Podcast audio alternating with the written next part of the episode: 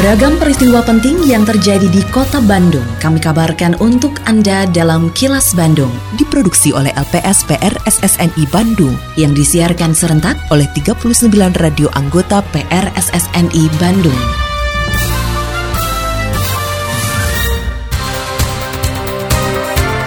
Sejumlah informasi aktual kami hadirkan untuk Anda dan inilah informasi utamanya. Angka stunting di kota Bandung terus turun imunisasi cara ampuh mencegah difteri. Produksi sampah Masjid Raya Al-Jabar mencapai 100 ton per bulan. Saya, Santika Sari Sumantri, inilah kilas Bandung selengkapnya.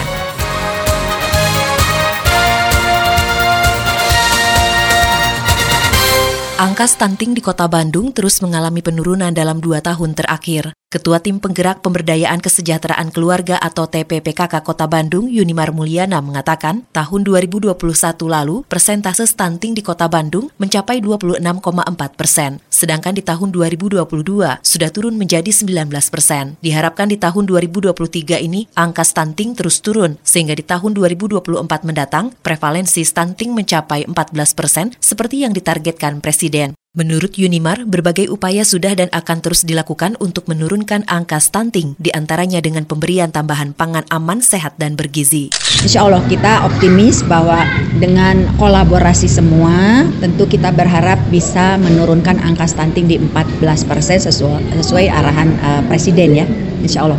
Tapi kita harapkan semua harus berkontribusi dan berkolaborasi dan masyarakatnya mau diarahkan, mau dibina, mau disosialisasi dan diedukasi bahwa bagaimana kita terus bergerak untuk menurunkan angka stunting ini kan masyarakat kita beragam tingkat ekonomi, tingkat sosial, tingkat pendidikannya. Nah, itulah semuanya harus ikut terjun untuk memberikan sosialisasinya dan edukasinya bagaimana bahayanya stunting mendapatkan imunisasi yang berulang dan lengkap sesuai dengan program imunisasi dasar menjadi cara efektif mencegah penyakit difteri. Kepala Bidang Pengendalian dan Pencegahan Penyakit atau P2P Dinas Kesehatan Kota Bandung, Ira Dewi Jani mengatakan, setiap anak mendapat imunisasi difteri pertusis dan tetanus atau DPT, setidaknya tujuh kali dari sejak lahir hingga usia sekolah kelas 5 SD. Imunisasi dapat mencegah difteri berkembang dalam tubuh sehingga tidak menimbulkan sakit yang lebih parah. Oleh karenanya Ira mengimbau kepada ibu hamil atau orang tua yang memiliki anak usia dini hingga kelas 5 SD supaya rutin membawa anaknya ke fasilitas kesehatan untuk mendapatkan imunisasi dasar. Kita suka lihat tuh kalau misalnya anak di bawah setahun itu diimunisasi DPT-nya aja tiga kali. Kemudian pas anaknya udah lewat dari umur setahun diulang lagi di umur 18 bulan. Berarti kan udah empat dosis ya. Pas anak itu memasuki usia sekolah kita kan suka tahu ada kegiatan bias bulan imunisasi anak sekolah. Di situ teh mereka dapat lagi imunisasi. Jadi kalau yang imunisasinya lengkap berarti kan dapat tujuh dosis ya gitu. Nah itu tuh sebetulnya udah cukup untuk mencegah difteri. Suara DPRD Kota Bandung. Kasus diabetes mellitus di Kota Bandung meningkat pada tahun 2022. Dinas Kesehatan Kota Bandung mencatat kasus diabetes tipe 1 pada usia di bawah 15 tahun sebanyak 19 orang dan tipe 2 sebanyak 44 orang. Sedangkan pada usia 15 sampai 19 tahun sebanyak 24 orang mengidap diabetes tipe 1 dan 57 orang mengidap diabetes tipe 2. Menanggapi kondisi tersebut, Wakil Ketua 1 DPRD Kota Bandung Kurnia Solihat mengatakan perlu edukasi yang lebih dini kepada masyarakat terutama anak-anak mengenai pentingnya menjaga pola makan dan berolahraga. Pasalnya saat ini anak-anak cenderung ingin mengonsumsi makanan instan atau cepat saji tanpa memperhatikan kandungan gizinya. Oleh karenanya politisi Gerindra ini menyarankan agar sekolah terus menggerakkan kantin sehat, juga mengingatkan para siswanya untuk menjaga kesehatan dengan memilih makanan yang sehat. Karena sebetulnya kan yang namanya diabetes itu selain kebanyakan memang dari gen biasanya ya turunan, hmm. tapi karena pola makan yang salah juga. Hmm. Jadi edukasinya penting bukan hanya masalah memilih makanan. Mungkin dari yang mengadakan kulinernya juga itu juga penting. Jangan hanya berpikir enak saja, jangan berpikir lezat saja makanan kan gitu. Ini perlu juga kesehatan itu diatur dari dini. Jadi di kantin sehat mulai dari SMP, SMA dijalankan. Dan dalam masalah ini kalau biasa sekolah itu Senin itu suka ada apel pagi ya. Nah sekarang itu ada guru-guru kepala sekolah pada saat apel pagi juga sentuh masalah itu. Kan selama ini tidak pernah disentuh masalah kesehatan, masalah makan yang baik tidak. Banyak kan disentuhnya ke kedisiplinan belajar. Itu penting juga sehingga anak-anak itu lebih tahu dari dini bagaimana cara menjaga diri agar kesehatannya itu bisa bertahan dan baik. Assalamualaikum warahmatullahi wabarakatuh. Sampurasun Wagi Bandung.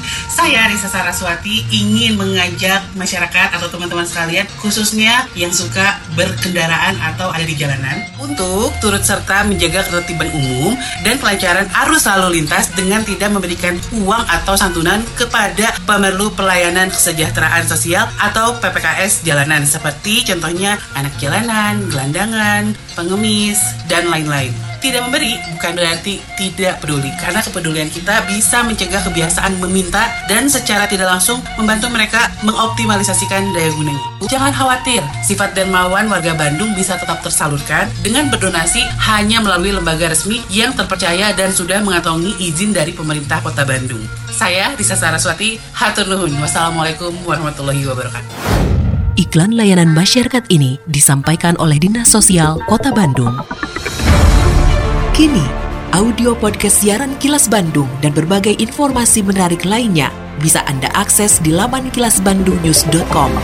Pemerintah Jawa Barat terus melakukan evaluasi terhadap penanganan sejumlah persoalan yang ada di Masjid Raya Al-Jabar pasca penutupan Senin lalu. Berbagai permasalahan yang dihadapi pengelola Masjid Raya Al-Jabar, di antaranya parkir, PKL hingga sampah. Kepala Dinas Lingkungan Hidup Provinsi Jawa Barat Prima Mayaning Tias mengatakan kesadaran pengunjung Masjid Raya Al-Jabar untuk membuang sampah pada tempatnya masih rendah. Kondisi tersebut terlihat dari masih banyaknya sampah berserakan di banyak tempat termasuk kolam retensi. Menurut Prima, produksi sampah yang dihasilkan oleh pengunjung Masjid Raya Al-Jabar hampir 100 ton setiap bulannya. Kami informasikan di dalam suatu kegiatan Masjid Raya Al-Jabar saja satu bulan sampahnya hampir 100 ton. Benar-benar sungguh sesuatu yang sangat surprise begitu ya. Sampah sangat begitu banyak. Ini bisa berarti kita melihat dari sisi aspek positifnya sampah punya nilai value yang bisa dimanfaatkan. Tapi di sisi lain berarti kesadaran masyarakat untuk melakukan pengolahan sampah atau untuk tidak membuang sampah di Masjid Al-Jabar masih jauh dari yang diharapkan. Nah, di sini kami setiap hari berkolaborasi dengan para relawan penggiat sampah khusus Masjid Al-Jabar untuk melakukan edukasi, pemilahan dan juga bagaimana memproses sampah tersebut supaya bisa menjadi suatu sampah yang bisa dimanfaatkan kembali. Perguruan Darul Hikam kembali menggelar event tahunan Deharan 2023 yang akan berlangsung pada Sabtu besok. Ajang lomba lari ini rencananya diikuti 3.000 lebih peserta yang terdiri dari para siswa sekolah dan masyarakat umum. Ketua Pelaksana DH RAN 2023, Danis Wijaksana mengatakan, event rutin tahunan ini digelar menjelang bulan suci Ramadan sebagai bentuk ajakan gerakan sehat kepada masyarakat agar senantiasa menjaga fisik tetap bugar selama menjalankan ibadah puasa. Deharan 2023 akan menempuh jarak 5 km dengan start dan finish di area Gedung Sate Jalan Diponegoro, Kota Bandung. Jadi ini sebenarnya mengulang yang tahun 2020 dilaksanakan offline. Kita sama juga tempatnya di Gedung Sate, hanya karena pandemi 2021 dengan 2022 itu dilaksanakan secara virtual. Nah, adapun untuk kegiatannya, kalau yang 2020 dengan 2023 hanya event lari saja, tapi yang 2021 dengan 2022 dengan bersepedanya. Yang 2021 dengan 2022 itu menggunakan aplikasi yang namanya Strava. Jadi nanti si peserta itu melaporkan terkait dengan progres dia mengikuti lomba.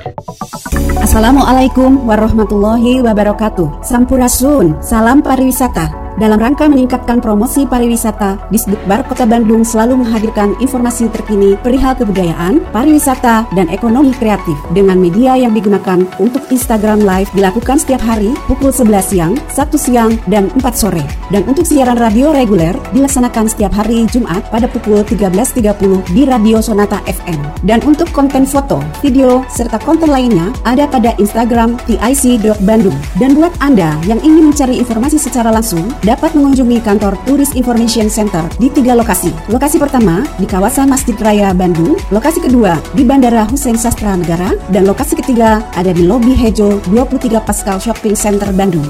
Mari dukung kemajuan pariwisata di Kota Bandung dengan follow Instagram tic.bandung. Hatur nuhun. Wassalamualaikum warahmatullahi wabarakatuh.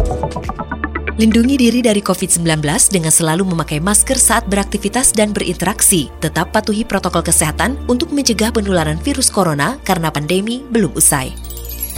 Terima kasih Anda telah menyimak kilas Bandung yang diproduksi oleh LPSPR SSNI Bandung.